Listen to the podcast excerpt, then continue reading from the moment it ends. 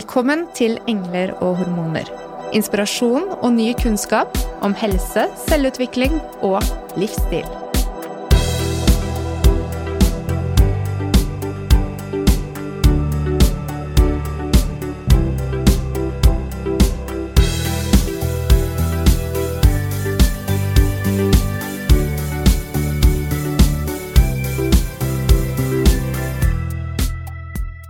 Graviditet og barseltid er begge perioder av livet der kroppen er i stadig endring.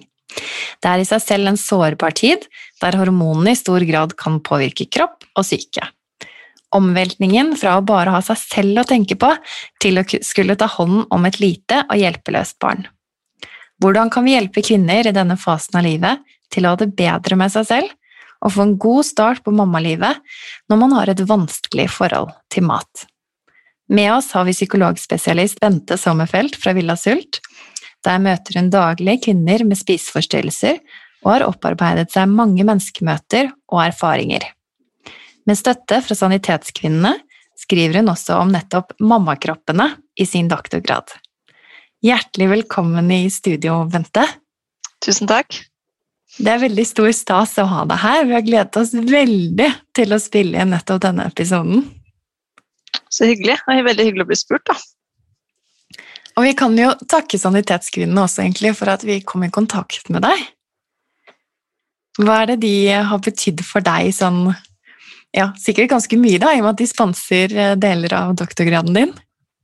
Ja, altså De sponser ikke bare deler, de støtter hele doktorgraden. Støtter hele, ja, ikke sant? Så jeg har en stor takk å gi til Sanitetskvinnene for at de bidrar til å fylle viktige kunnskapshull ikke bare når det kommer til dette temaet, men også andre temaer knyttet til kvinner og helse.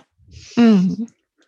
Så definitivt. Og vi blir jo nysgjerrig på hvor dette startet for deg, Bente. Engasjementet for eh, kvinnehelse innenfor ditt fagfelt.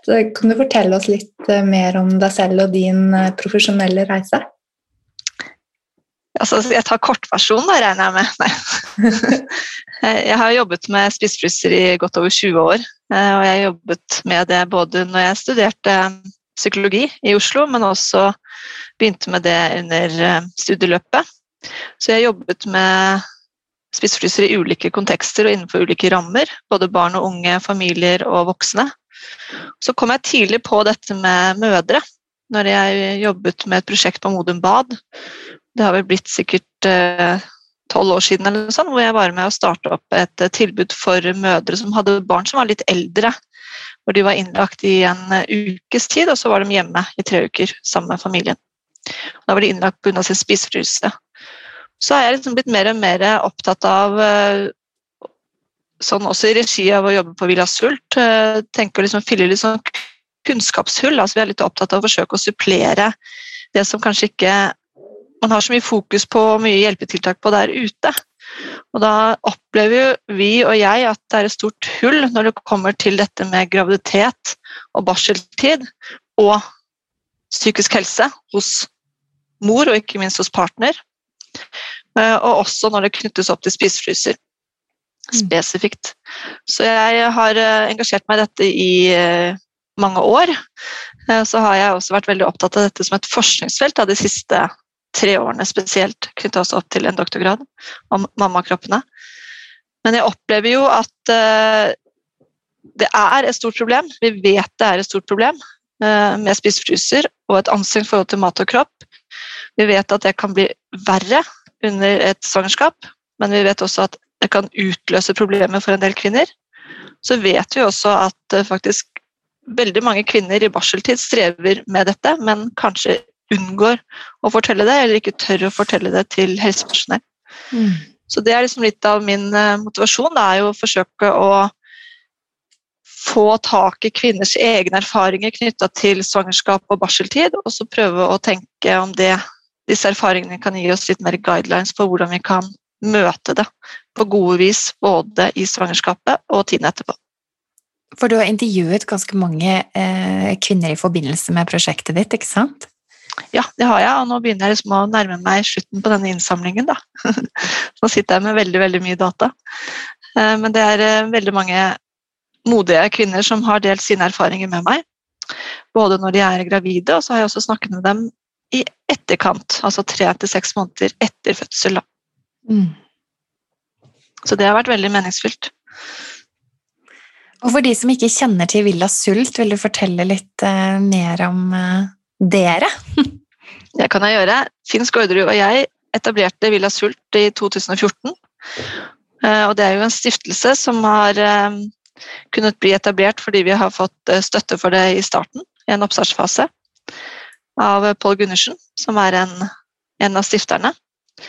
Vi bygget Villa Sult i 2014 for å forsøke å fylle hull og supplere det offentlige tilbudet. Ikke som noen konkurranse, men å tenke hva trenger vi mer av? Hva trenger vi tillegg til? Og det er jo et hus, en villa, som står på fire bein. Den eh, bygger på mye behandling. og Mye ordinær behandling, både familie- og individualterapi og også gruppemøter. Og så står den også på forskning. Der er det mye på min doktorgrad akkurat nå, men vi har også en noen andre prosjekter i forhold til musikkterapi f.eks. Og også kunst og psykoterapi. Og så står den på mye opplysning og folkeopplysning. Vi tenker at eh, folk der ute, hvis man kan fylle på med litt mer kunnskap, så er det også enklere å møte folk som strever med dette. Og så er det vel en fjerde, men nå glemte jeg det. Altså forskning, behandling, opplysning. Eh, så er det en fjerde, men den er glemt. Ja, ikke sant? Men dere skal jo, så vidt jeg har forstått Den er kultur. Ja. Kultur. så vidt jeg har forstått, så skal dere ha en litt spesiell uke. Er det neste uke? Neste uke er det en eh, spesiell uke, og det er jo som følge av at vi har også sammen med Santeskvinnene fått støtte til eh, to prosjekter knytta til Sult baby, da, som vi har kalt det. Og det er eh, å lage barselgrupper for mødre som har et anstrengt forhold til mat og kropp. Og også det å øke kompetansen hos helsepersonell knytta til dette temaet. Så da er det en eh, hel uke med masse foredrag som eh, både jeg og andre kolleger i Villa Sult eh, skal holde. Og så har vi også barseltreff for mødre som selv strever. Og så har vi noen ulike aktiviteter som kommer til trening og bevegelse sammen med mor og barn. Mm, det er helt fantastisk. Det er kjempebra. Og jeg tenker for de som ikke bor i nærheten av Villa Sult, da vil det være mulig å få tilgang til dette digitalt? Ikke akkurat dette, eh, fordi eh, noe av ideen vår når vi fikk støtte til det, var at vi skulle lage fysiske treff. Men vi har fått støtte til et annet prosjekt som skal bli digitalt og nasjonalt, og det er noe vi kaller Drop-in baby.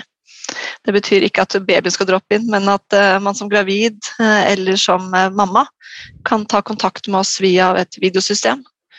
Og helsepersonell kan også gjøre tilsvarende, og det skal være tilgang på det da, to eller tre ganger i uken. Så utrolig bra. Da gleder vi oss til å se når det kommer videre i gang, det prosjektet. Så det var dagens kunne... reklame? Ja, ja, vi vil gjerne dele det videre når det er på plass. Men de fleste av oss kan jo kanskje kjenne seg i hvordan det er å ha et anspent forhold til mat i perioder av livet. Så hvor går egentlig grensen mellom det normale og det som vi kaller spiseforstyrrelse og en sykdom? Det er jo ingen klar grense. Den er ikke sånn at vi kan liksom definere den veldig tydelig. Men det er klart at uh, definisjonen rundt en spiseforstyrrelse er jo en overopptatthet av mat, kropp og vekt. Det betyr jo egentlig at liksom, du tenker mat eller du tenker kropp 24 timer i døgnet. Mange kan jo også drømme om det. Eh, og det er jo når denne overopptattheten tar overhånd, da, så merker man jo gradvis, kanskje, men man kan også liksom av og til tidfeste det litt, når man merker at det går utover veldig mange andre områder i livet. Som f.eks. jobb, skole, eh, barn, da, i dette tilfellet, når temaet er barn. Det er klart at Når det blir mye på en måte jeg, da, når man får på en måte mye fokus på én ting, så blir det jo automatisk mindre fokus og mindre kapasitet til å tenke på andre ting, som da f.eks. barnet. Mm. Så det er liksom når disse tankene rundt mat og kropp kjører en veldig hardt, da, så kan man si at liksom når det går utover livskvalitet, når det går utover andre ting i livet ditt, så kan man ofte kalle det for et problem eller en mm. lidelse. Hvor mange kvinner, mødre, er det dette her egentlig er snakk om? tall er jo alltid litt sånn skummelt å snakke om, fordi man driver og slenger ut liksom prosenter her og der, og man som forsker blir jo mer skeptisk til disse prosentene. Eh, men eh, man sier jo nå da at eh, sånn internasjonalt så ser man jo at faktisk én av fem kvinner som er i barsel, ser ut til å streve med et anstrengt forhold til mat og kropp. Dvs. Si at man har ikke gått inn og satt diagnoser. Så det er mye selvrapportering. Og det er ganske mange. Og det samstemmer jo litt med det vi hører fra en del helsestasjoner også, at de møter på flere unge mødre i dag som strever med dette på en litt ja, strever mer med dette nå enn tidligere, da. Så kan det hende at ting har blitt mer synlige òg. Så ser jeg også i min doktorgrad og ifølge med de kvinner jeg har møtt, at uh, det sies jo at liksom, tallene er lavere i svangerskapet og at problemet øker når du kommer på en måte tiden etterpå, spesielt seks måneder etterpå. Men det er ikke helt det som jeg finner i mine tall og mine data. Og stemmer jo på en måte litt sånn internasjonalt også at man ser at problemet begynner ofte i svangerskapet. Men der holder du kanskje litt i sjakk, fordi du vet at du skal liksom forsøke å holde ut til dette barnet kommer ut. Og så mm. kanskje rapporteres ikke så ofte om. Så man ser jo at uh, det er også høye tall i svangerskapet. Eh, men at mest sannsynlig så er det høyere enn det vi har av uh, internasjonale funn på det foreløpig. Mm. Mm. Tenker du at vi som helsepersonell, da, enten man er jordmor og møter gravide på helsestasjonen, eller kvinner etter fødsel, fastlegekontorer osv., har liksom stort nok fokus og stor nok forståelse for dette her? Det er to forskjellige ting, da. Ja. Eh, jeg tenker jo at eh, det har jo blitt eh, tydelig nå at man i retningslinjer, tilsvarende som andre spørsmål man skal stille, så skal man jo stille spørsmål om forholdet til mat og kropp. Men det betyr jo ikke nødvendigvis at vi har kompetansen i å følge svarene opp eller spørre videre. Så Derfor så hjelper det ikke bare liksom å ha en sjekkliste hvor man skal liksom ha spurt om det, og så går man videre. Det er noe med hva gjør jeg med det svaret jeg får. Og der tror jeg vi mangler både trygghet, men for å bli trygge så trenger vi ofte kompetanser da, til hva vi skal spørre om, og hvordan vi kan spørre om det, og hva som eventuelt kan hjelpe. Det er her jeg forsøker å få litt hjelp fra kvinnene selv, da, som har erfaringer fra både kontroller og samtaler. Hva er det de sier hjelper, hva er det som ikke hjelper? Mm. Det er jo også ulike typer spiseforstyrrelser, og det tenker jeg på at det er ulik grad av hvor synlig det er fra utsiden at en kvinne har utfordringer. Har du gjort deg noen erfaringer der i arbeidet ditt som ser på ja, de som er mer skjult, og hvordan de opplever å bli møtt?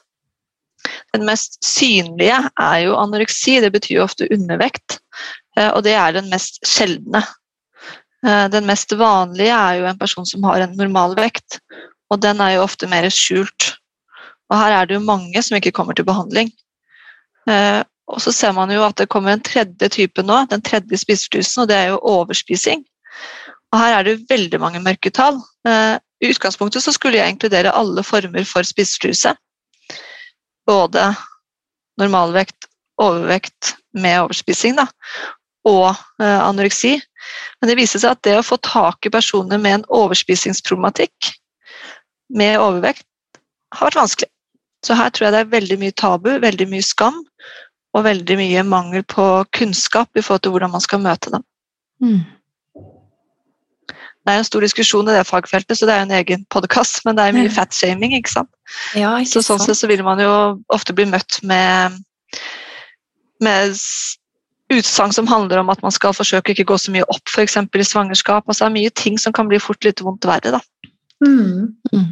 Eh, for svangerskap så det, blir det fort mye fokus på vekt, på godt og vondt, men også mye vondt. Eh, og det her er jo noe av det som gjør at um, mye av svangerskapsomsorgen, da. som uh, er mye omsorg, men det er også mye tall og tallmagier og detaljer og ja og nei og rett og galt. Uh, og det tror jeg er noe av det som gjør at personer som tidligere kanskje har en historie med et problematisk forhold til mat og kropp, kan møte på dette igjen da, i svangerskapet. For det er plutselig ting som ligner. Sånn som de hadde det før. De hadde regler, det var mye ja-nei-mat. Det var kanskje slankekurer som ikke gikk. Eh, det var eh, overspisinger. Eh, du mista kontroll, du mista styring. Du hadde fokus på vekt. Altså disse detaljhelvetene, som jeg ofte kaller det. Mm. Du blir møtt med det. Midt i første møte med svangerskapskontroller og jordmor, så får du ofte en del av disse tingene servert, på en måte. da. Enten skriftlig eller muntlig. Eller begge Mm. deler.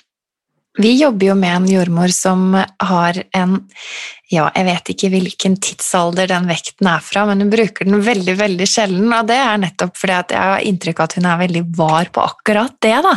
Tenker du at det kunne Selvfølgelig, vekt kan jo spille en stor og viktig rolle, liksom, i Men, men allikevel, hva tenker du om det, Bente? Altså, jeg tenker jo at eh, en kompetent jordmor har evnen til å tilpasse seg den hun møter. Mm.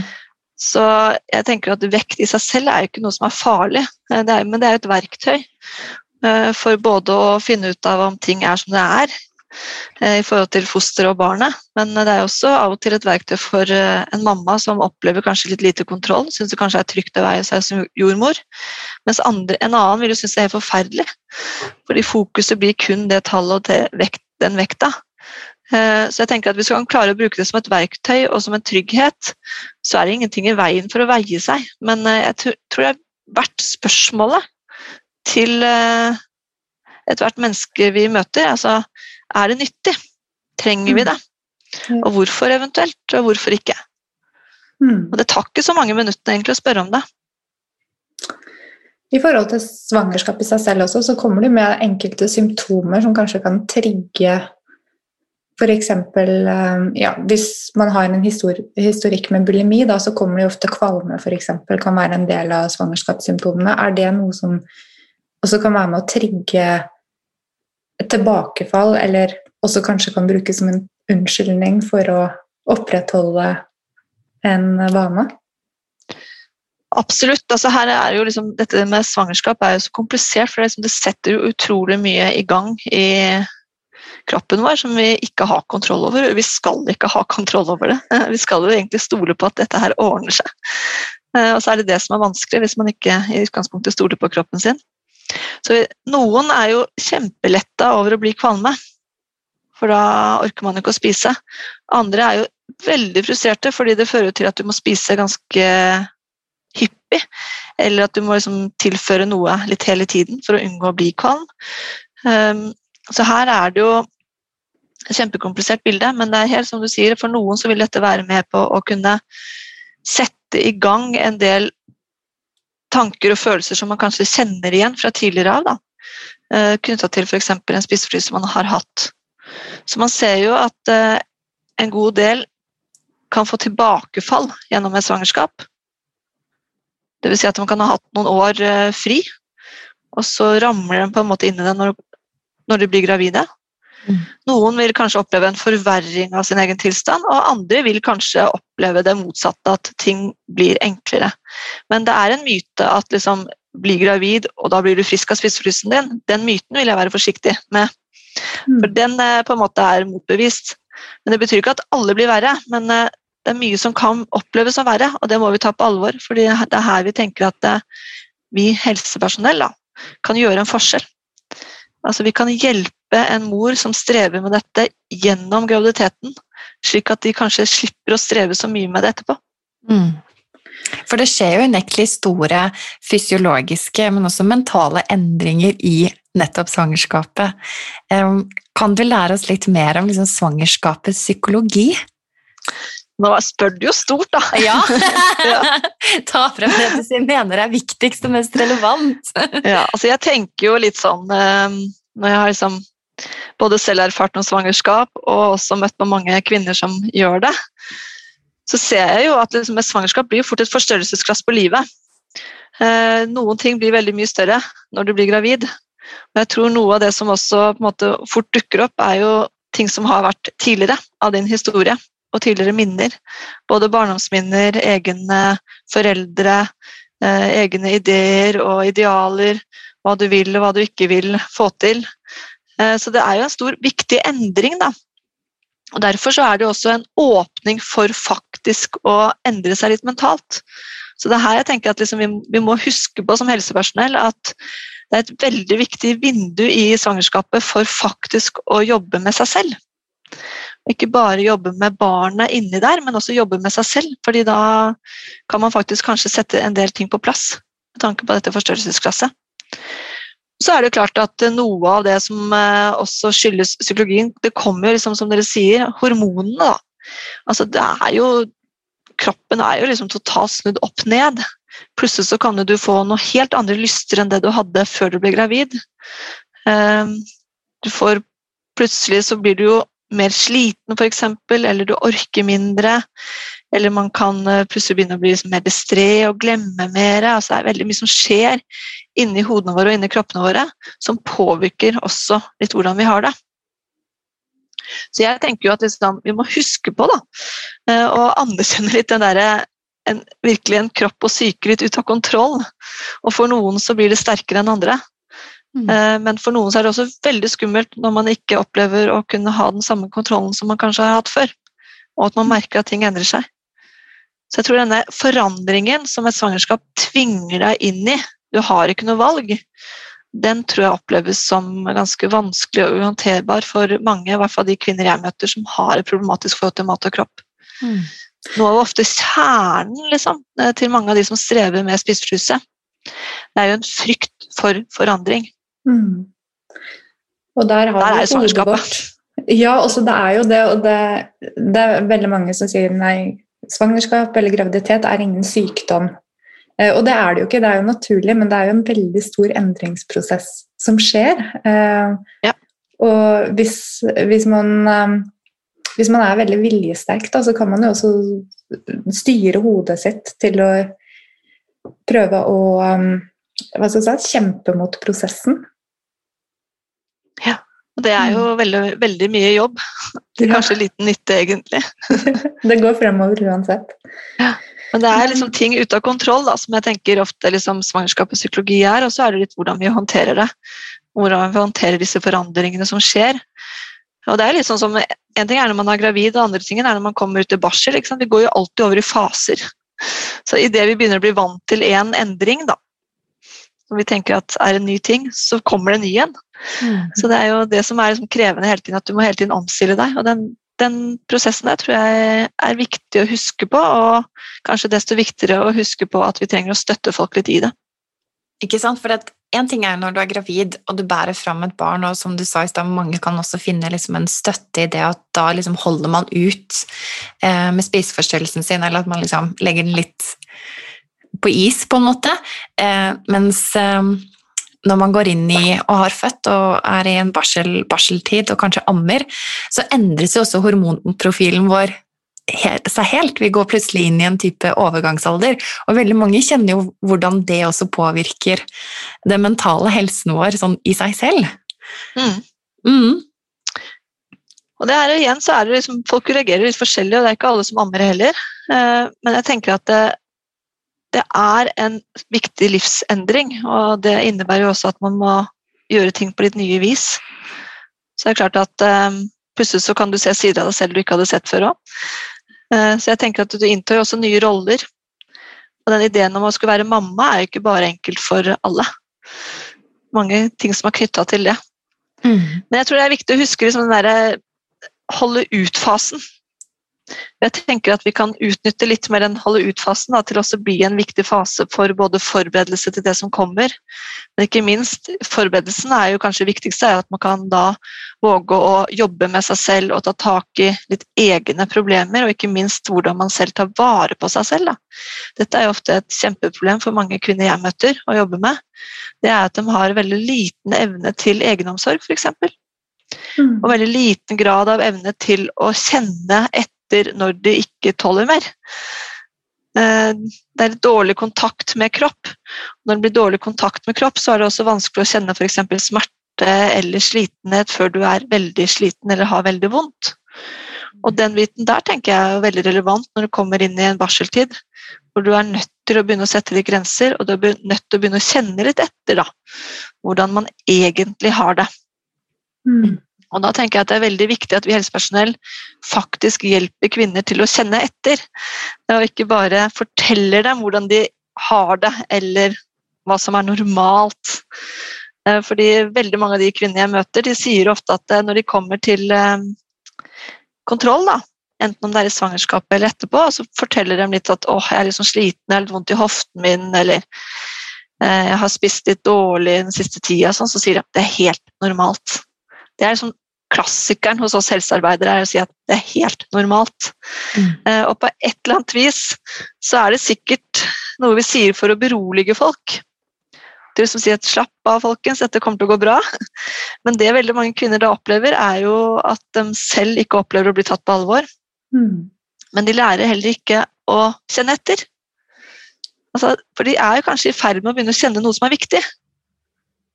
Men det er jo normalt, mm. så da slutter man jo å kjenne.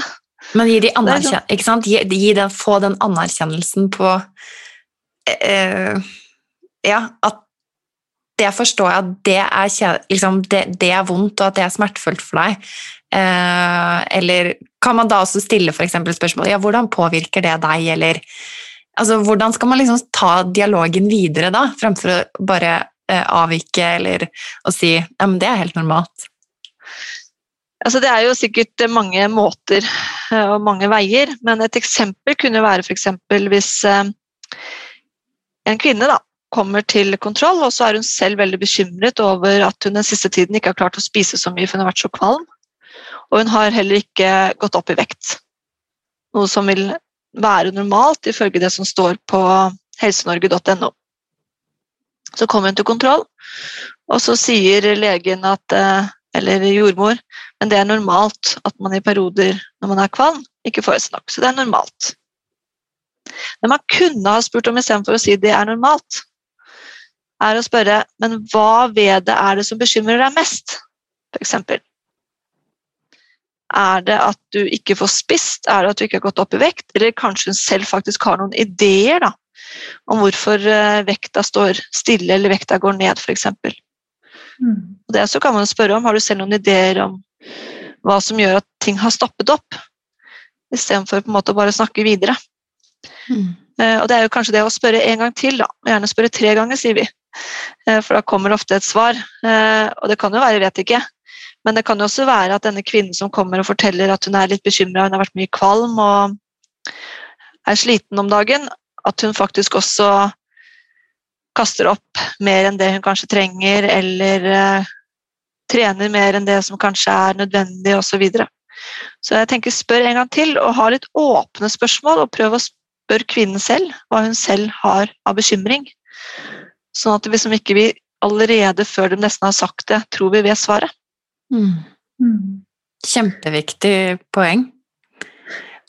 Ja, den tror jeg vi virkelig kan ta med oss, eh, mange av oss som jobber innenfor eh, kvinnehelse. og jeg er jo fascinert over hvor ofte ulike spørsmål som blir stilt til helsepersonell om bekymringer i svangerskap, blir møtt med 'det er normalt', fordi at det er så mye, er så mye som kan være normalt. Eh, men tallet ditt, da, én av fem kvinner opplever utfordringer i svangerskap og barsel, det, det, det, gjør at vi kan stoppe opp og se litt i perspektiv på praksisen vår, at vi faktisk møter veldig mange kvinner som har denne utfordringen. Mm. Det gjelder jo så mange. Ja.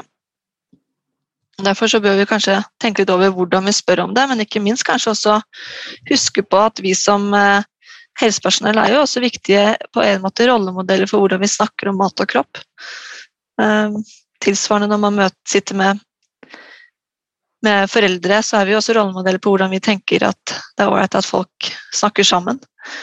Eh, så jeg tenker jo at dette med at vi spør også litt hvordan de har det, mer enn bare å bli opptatt av detaljene, tenker jeg er viktig. For det er jo et signal i det at vi er viktige også at én ting er vekt, og én ting er tall, og én ting er liksom alle disse tingene som er rett og galt å spise.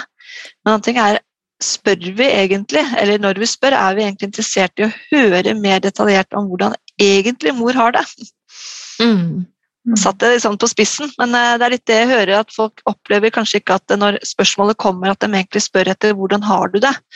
Men man liksom, har litt dårlig tid sant, i vanlig praksis, og så spør man litt kjappe spørsmål, og så kommer ikke oppfølgingsspørsmålene. Mm. Og det kanskje en del av disse kvinnene her trenger, er oppfølgingsspørsmålene. Sitter med en del tabuer, skam og skyld for å føle det på den måten de gjør det i forhold til kroppen sin, Eh, og ofte mye skyld og dårlig samvittighet for at de tenker for mye på kroppen sin, og at de gleder seg for lite over svangerskapet. For det er jo normalt å skulle glede seg over svangerskapet, er det man hører. Mm. Og det er jo derfor som jeg tenker også at man må ofte spørre to ganger, for ofte så sier man fint. Og så spør man den andre gangen, så vet de kanskje ikke helt, og den tredje gangen så tør de kanskje å si noe mer. Mm. Oppriktig være interessert i å høre svaret på spørsmålet. Ja, i hvert fall hvis vi spør om hvordan er forholdet ditt til mat og kropp, og hvis de sier sånn passe, så er det interessant å høre mer. Ja. Det beste vi kan si da, er si mer. Ja. ja. Men um, spiseforstyrrelser, da, sånn sett under ett, det tenker jeg jo at absolutt kan ha en påvirkning på ikke bare mors helse, men også fosterets helse. Og hvor er det liksom den grensen går? For det finnes sikkert veldig mange um, Det finnes sikkert like mange um, måter å være spiseforstyrret på som det finnes kvinner, kanskje? Ja, altså Vi lager liksom disse type sekkebetegnelsene eller kategoriene for å forsøke å liksom organisere et hjelpeapparat, hjelpeapparat da, hvordan vi skal møte folk. Vi har disse tre hovedtypene. Det er klart at eh, et svangerskap eh, vil bli påvirket Altså et barn, et foster, vil jo la seg påvirke av mor gjennom svangerskapet. Og da er det spesielt mors både handling og atferd og ikke minst helse. Altså En stressa mor påvirker jo også fosteret negativt ofte. Så vi må forsøke å lage minst mulig stress hos en mor. Det er klart at Hvis mor strever med ernæring, om det er for mye eller for lite, så vil det kunne påvirke også barnet i magen. Det betyr ikke at uh, alt man gjør har en direkte konsekvens for barnet, men uh, det er jo starten på et liv, da. Inni der. Og det må man jo ta på alvor, uten at man skal putte på skyld eller uh, gi mor for mye ansvar, men ansvar har vi når vi setter et annet liv til i gang. Så hvordan du spiser, vil påvirke eh, fosteret. Spiser du for lite, så vil det kunne få konsekvenser. Det er veldig mange av eh, de kvinner jeg snakker med, hører og dette kan jo komme litt uheldig ut òg. Det de hører, er at man ikke skal bekymre seg my så mye for det, og det er bra. Fordi man tenker jo at eh, fosteret er jo ganske levedyktig, så man vil jo ta til seg mye av den næringen den trenger. Spesielt i de tidlige faser. Så sånn sett så skal vi ikke sitte her og liksom skremme folk i å bli enda mer opptatt av rett og gal mat og hva man skal putte i seg av vitaminer og sånn. Dette vet folk stort sett noe om. Men eh, man skal tenke litt på balansen i det. Eh, og det er viktig å ikke tenke at man skal bruke svangerskap for eksempel, til å slanke seg. For slanker mor seg, så slanker man også fosteret automatisk. Mm. Eh, og kaster man mye opp, noe som ikke er helt uvanlig selvfølgelig heller når man er veldig kvalm, tidlig spesielt i et svangerskap, så går ikke det direkte utover fosteret, men det er jo omfanget av det. Og så er det også knytta til hvor mye du stresser systemet ditt. Da. Så man ser jo også at oppkast over tid kan også være noe som stresser fosteret i magen. Så ser man jo at eh, noe utvikling kan stoppe opp. så et en mamma som har eh, ernært seg veldig dårlig gjennom et svangerskap, vil kanskje få mindre barn. Mm. Mindre hodeomkrets og den type ting. Eh, når man har opplevd at maten er ute av kontroll i et svangerskap, så vil noen kanskje oppleve at også barnet har eh, noe vanskeligheter i forhold til regulering når det kommer ut. Og også kan ha noe det vi kaller ofte liksom svangerskapsdiabetes. Mm. Men dette er jo ting som følges opp på helsekontroller, så her tenker jeg at eh, de fleste mødrene er ganske trygge. Det tas hånd om. Så det viktigste er liksom å huske på at liksom allerede når man er gravid, så er det det du gjør med deg selv, det påvirker også indirekte og ganske direkte fosteret. Mm. Og så er det etterfødsel, da. Um, jeg, tenker, jeg tenker litt på når du sier det du sier, så tenker jeg litt på ting man sier til gravide. Hvis jeg bare skal ta den først. Fordi mange gravide opplever jo at plutselig kroppen deres blir en ting som det er mer lov å kommentere. At de får mer kommentarer på hvordan de ser ut, altså så stor du er, er det tvillinger inni der? Nå kan du spise for to. Altså veldig mange, eh, mange, kommentarer som går på kropp som man kanskje ikke ville Man ville kanskje ikke dele så mye til en kvinne som ikke var gravid. Er det noe som virker inn når du ser på dine data? Er dette noe som kvinnene tar opp uh, i samtalen med deg? Absolutt. altså Kroppen blir jo allemannseie. Uh, og det er som om vi har rett til både å ta på den og mene mye om den. Jeg vet ikke om det har forandret seg så veldig mye, uh, akkurat den biten der. Jeg tror liksom våre besteforeldre var like ille, og dem er jo like ille fortsatt. men jeg tror vi har blitt mye mer bevisst på dette at det ikke er ok. Og så tror jeg også at kroppen har fått en mye mer opphøyet måte, rolle for både selvfølelse og også som en sånn type sosial suksess. Så jeg tenker at svangerskap og også dette med å være mamma fort får en sånn rolle om at liksom, hvor vellykket er jeg mm. I forhold til deg. Altså, det blir så utrolig mange overflater. Og det som jeg da tror også har forandret seg, er liksom alt du sitter og ser på og scroller nedover på Instagram f.eks. Eh, så jeg tror sammenligningen er ganske krevende. Så det å begynne å kommentere på kropper tror jeg vi skal være forsiktige med. Fordi det er noe med hva vi signaliserer, at liksom det ytre får mer fokus enn hvordan man egentlig har det på innsiden. Mm. Så jeg syns man skal slutte med det. slutte å kommentere på andres kropper òg. Ja, jeg tenker det. Mm. Det er jo noe med tanken på at andre liksom observerer kroppen din og gjør seg en mening om deg, uten at man Ja, sånn bare ved første øyeblikk, øyekast, liksom Ja, det er spesielt. Mm. Hvordan vi tenker at vi har rett til det. Men jeg tenker jo også det blir fort liksom mye prestasjon og Det blir fort mye tilskrevet til liksom hvor vellykket jeg er, da, eller hvor mislykket jeg er. Så jeg tenker at uh, en kommentar som er godt ment, kan fort bli tatt feil. Så man vet ikke helt hvordan uh, mottaker tar imot, da. Mm. For eksempel, for eksempel 'du ser godt ut' det er en veldig komplisert kommentar i spisefeltet. Når du jobber med spisefryser, så skjønner du at den kommentaren kan fort bli tatt feil. Da. Det betyr 'nå har du lagt på deg', ikke sant, for noen. Mm. Så det er komplisert. Vi tolker jo hele tiden ting vi hører, og ofte så tolker vi dessverre mest i feil retning, negativ retning. Ja, og det er jo også mange som sier 'jeg ser så mange ser sånn og sånn ut i graviditet eller etter fødsel, og jeg føler meg mislykket fordi jeg er ikke der. Um, at man sammenligner seg. Ja, Da kommer den sosiale suksessen. ikke sant? Altså At en kropp skal se sånn og sånn ut for å være vellykket. Og det mm. er veldig viktig å huske på at uh, det finnes så utallig mange forskjellige kropper, og en kropp er ikke bare noe vi har, det er også noe vi er. Og sånn sett så tenker jeg at det finnes veldig, veldig mange måter å være gravid på. Og det ene er ikke noe mer riktig enn det andre, tenker jeg. Mm. Før mikrofonen ble skrudd på, Bente, så snakket vi jo eh, snakket vi jo litt om hvordan vi selv snakker om egen kropp, eh, og hvordan det påvirker barna våre og deres syn på seg selv. Eh, jeg kom på det nå fordi du så vidt var inne på sosiale medier og um, sammenligning, og at vi ikke nødvendigvis kan på en måte gi sosiale medier all skyld når det gjelder kroppsbevissthet eller forhold til mat. Nei, absolutt, og det her er jo på en måte kjempeviktig, men også kanskje en fin ting. Da, at eh, vi foreldre kan faktisk være med på å påvirke, vi òg. Alt er ikke overlatt til sosiale medier. Vi vet jo at de første fem leveårene har veldig stor betydning for barnets opplevelse av seg selv og sin egen kropp 15 år gammel.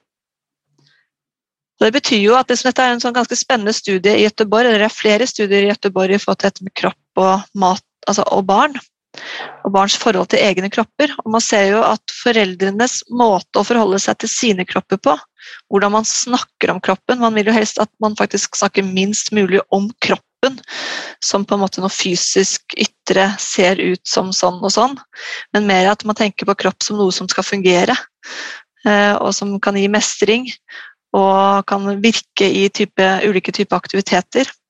Og da man har minst mulig fokus på, på kroppen, da og mest på liksom mer ting man kan faktisk endre eller gjøre noe med, som f.eks. håret vårt, eh, så ser vi at det også påvirker positivt inn på barnets opplevelse av sine kropper. Og så er det også det å være kildekritisk. Hva sitter jeg og følger, og hva lar jeg barna mine sitte og følge på? Og hvordan skal jeg få barna mine til å bli kritiske til det de sitter og ser på? Og det her påvirker faktisk eh, kroppsopplevelsene våre. Kan du utdype litt mer, eller kan du komme med noen liksom konkrete eksempler eller råd til oss foreldre? Altså, jeg er jo allergisk mot råd, da, for jeg tenker at ingen råd virker stort sett.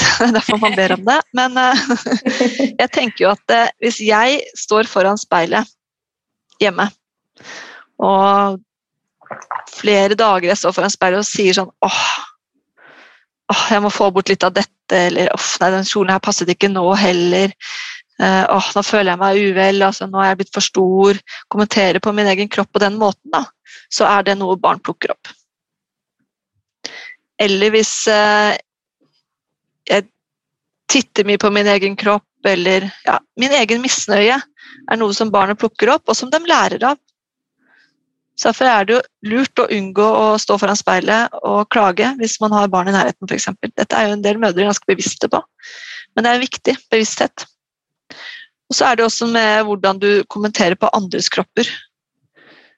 Både når barnet hører på, men også ellers. For det er også noe barnet plukker opp, som om det er greit å begynne å kommentere på andres kropper fordi mamma gjør det. Så det er jo veldig enkelt å si 'prøv å unngå dette', men det er det som er rådet. da. Og det som er anbefalingen hvis man skal eh, prøve å lage litt sunne kropper hos oss og barna våre. Og det er jo alle de mødrene jeg møter, er jo kjemperedde for at sine egne barn skal få dette problemet som de kanskje selv har erfart. De er jo veldig opptatt av at de skal stoppe den biten. Og det gjelder ikke bare kroppen, men det gjelder også hvordan vi snakker om mat. Og hvordan vi praktiserer måltider, f.eks. Det å tenke at mat er noe annet enn at man bare skal fylle seg med noe, men det er også noe som handler om det sosiale. Måltidet, at man sitter sammen for eksempel, og kan ha en samtale om noe. Så jeg vil jo, hvis jeg skal liksom få lov til å gi et råd, er å ta vekk iPaden til måltidene, folkens. Snakk med barna deres når dere spiser, mm. og sitt ned sammen med dem. Definitivt. Det er um, kanskje høyst nødvendig tidsklemme også for å få tid til å prate med hverandre, sånn som ja. livet er nå. Da trenger ikke alle måltidene å være sosiale. Man må huske at mat er mer enn bare noe man skal putte i seg, og mer enn en ingrediens. Mm. Det er også et sosialt samvær i det. Mm. Så det er jo liksom også måter man kan lage litt mer naturlig forhold til seg selv og sine kropper, er jo nettopp også å tenke litt på at det er mer enn bare hva jeg putter i meg, eller hvordan jeg ser ut. Mm. Jeg var på vei over i barsel i sted, og da, akkurat, apropos det vi putter i oss, da, så hvis man ammer eh, og har da produksjon av melk som fôrer en baby, eh, så vil man også kontrollere vekst hos babyen. Eh, er det noen elementer der som vi skal være oppmerksom på som helsepersonell, som kan være triggende i forhold til eh, det å ha en spiseforstyrrelse? For da kommer vi over i den perioden der ja, man har bare seg selv å ta hensyn til, og kanskje man skal være enda mer på vakt i forhold til dette? Amming er jo et sånt uh, hot tema. Litt vanskelig tema, syns jeg, for det er veldig mange som har veldig mye meninger om det. Uh, men vi vet jo at en del kvinner strever med amming, uh, og noen gjør det ikke i det hele tatt. Men det er klart at denne ammingen bør ikke bli snakket om som en slankemetode, for det er den ikke. Eh, ammingen er noe som er eh, nødvendig for barnet. Eh, og hvis man har nok melk og nok produksjon, så er det en fin ting å kunne drive med. Så jeg tenker jo at det, det viktigste fokuset vi kanskje har oss, for oss hjelpere, er jo å forsøke liksom å ta vare, at mor klarer å ta vare på seg selv oppi dette her. Fordi det er jo også noe med å sette grenser, kjenne etter, og det å kunne tilpasse sitt eget behov for næring f.eks. knytta til det å skulle amme. Det er også veldig så viktig, tenker jeg så tror jeg eh, at færre og færre Jeg tror det var en sånn bølge på at man skulle drive og kontrollere sin egen vekt for å ha en viss type størrelse på sine egne barn. Men jeg har en sånn inntrykk av at den bølgen er litt over. Det håper det i hvert fall. Mm. Eh, og jeg tror eh, det som kanskje en del kvinner er mest redde for, er jo å få barnet i seg nok mat. Få barnet i seg det den trenger når jeg liksom, den kommer fra meg. Og den engstelsen er jo sunn, da, tenker jeg. Det er jo sunt og liksom, godt å vite at man tenker det. Eh, og det kan man jo liksom ta litt på alvor hvis det kommer en mamma da, som er bekymret for, for barnet og får i seg nok. Så kan det være verdt å spørre liksom, i hvilken grad får hun i seg nok. Mm. Sånn at man også liksom sjekker litt ut, for jeg tenker at det er en grunn til bekymringen ofte. Og det er jo kanskje egentlig sitt eget inntak. Mm. Kjempeviktig. Hvis det var svar. Ja, og så hva hvis barnet legger på seg mye, da, og man produserer melk som er veldig energirik og gjør at barnet vokser raskt? Det, det jeg tenker eh, når det kommer til dette med vekt og størrelsen på barnet, så er det jo viktig at uh, vi som uh, følger opp uh, barn og mamma og partner i en barseltid, ikke bare opptatt av vekten til dette barnet, men også opptatt av litt omgivelsene rundt. Og jeg tenker dette med melkeproduksjon er så individuelt, og det er også ganske, ganske så genetisk for mange. Så det har ikke bare en direkte link med hva du selv ernærer deg med, eller hva du gjør av aktivitet. Noen har mer, større melkeproduksjon enn andre. Dette ligger jo ofte litt i, i, generasjoner, faktisk. Så man kan jo også se litt tilbake til sin egen, egen foreldre, eller egen mamma, da, og spørre litt. Men mm. eh, hvis et barn vokser veldig fort, eh, veldig raskt, så tenker jeg at da må man jo prøve sammen med denne mammaen å finne ut av hva det kan skyldes. Mm. Det jeg tror er eh, kanskje vanskelig for en del eh, mødre som har et problematisk forhold til mat og kropp, det er å være trygg på at barnet er mett. Eller man går ofte er veldig sånn redd for at barnet skal være for sulten. For man selv på en måte har den erfaringen at det å være sulten ofte er knyttet til noe som uh, ligner på spisefrysen, eller som hører til spisefrysen. Så denne sultfølelsen kan ofte være noe som de er veldig redde for at barnet skal kjenne på. Så det kan også være en grunn til at eh, en del mammaer ammer litt hyppig. At mm. man er litt engstelig for at barnet skal bli sulten. Fordi det tenker man selv ofte kan bare være vondt. Da. Ja. Så det er jo tenker jeg, at, er en annen grunn kanskje til at man ammer litt mye. I uh, arbeidet ditt med doktorgraden, Benta, så er jeg veldig nysgjerrig på om du, som har så lang erfaring innenfor dette fagfeltet har fått noen nye viktige lærdommer eller overraskelser eh, i innhenting av materiale? Ja, jeg har jo det. Eh, nå har jeg ikke publisert artikler ennå, eh, men det er klart at den ene liksom, funnet og overraskelsen som jeg har tenkt til å skrive om nå, er jo den forverringen og tilbakefallet som så mange kvinner erfarer når svangerskapet kommer. Og den har jeg fått både fra de kvinner jeg har intervjuet, men det viser seg også i forhold til rekruttering.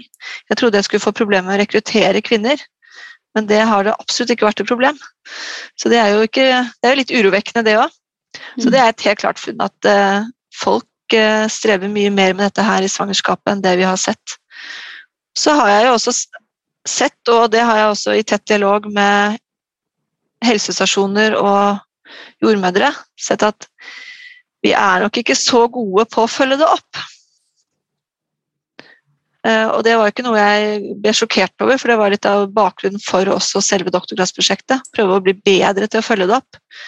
Men uh, ut ifra det også kvinnene selv rapporterer om da, og sier at erfarer, så blir det ikke spurt nok etter. Mm.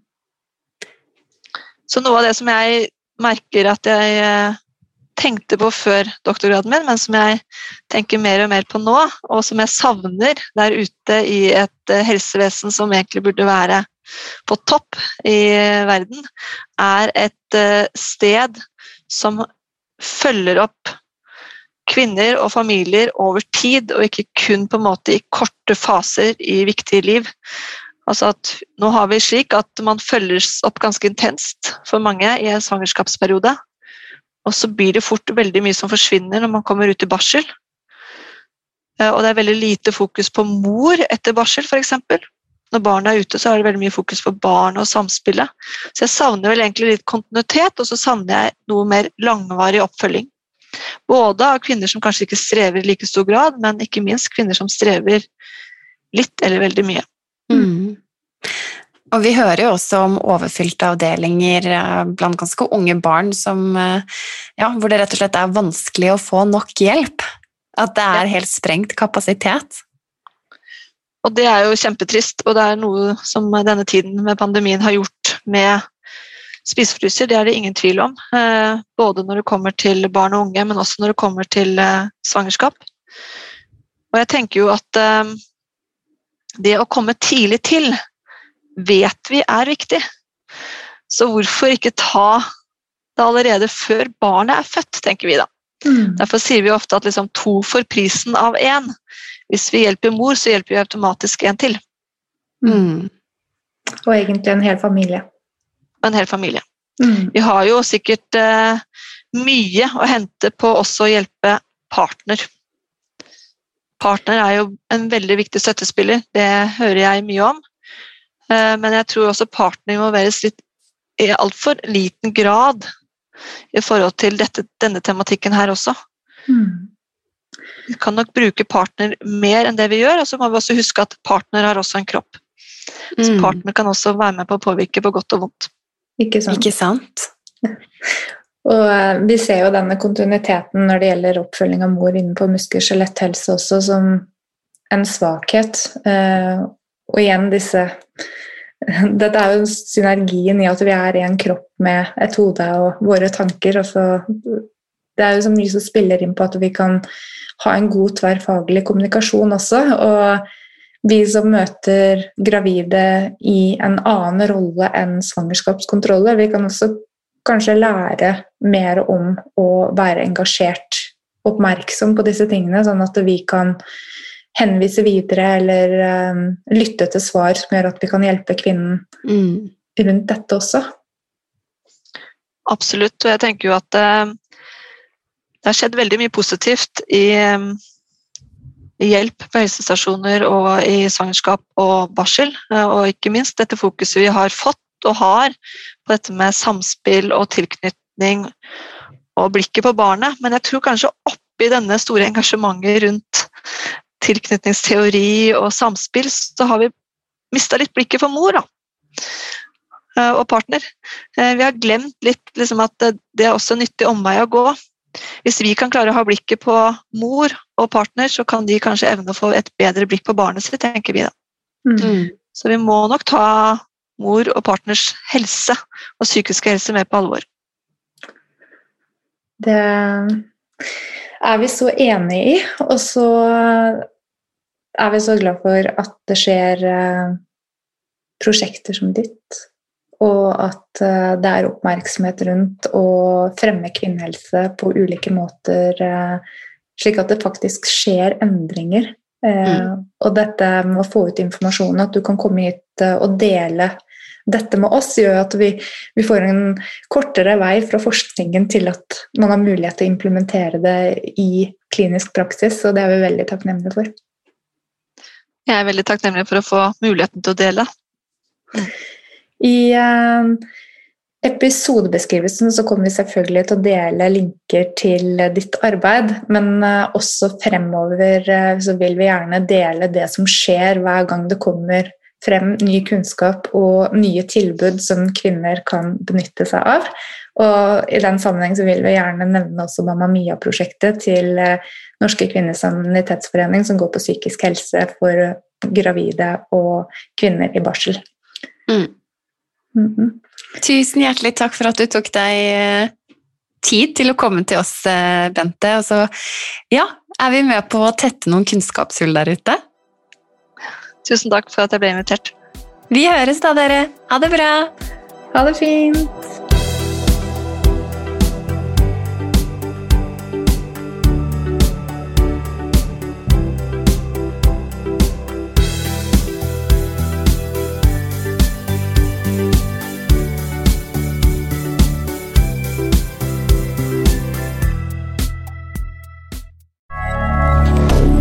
moderne media.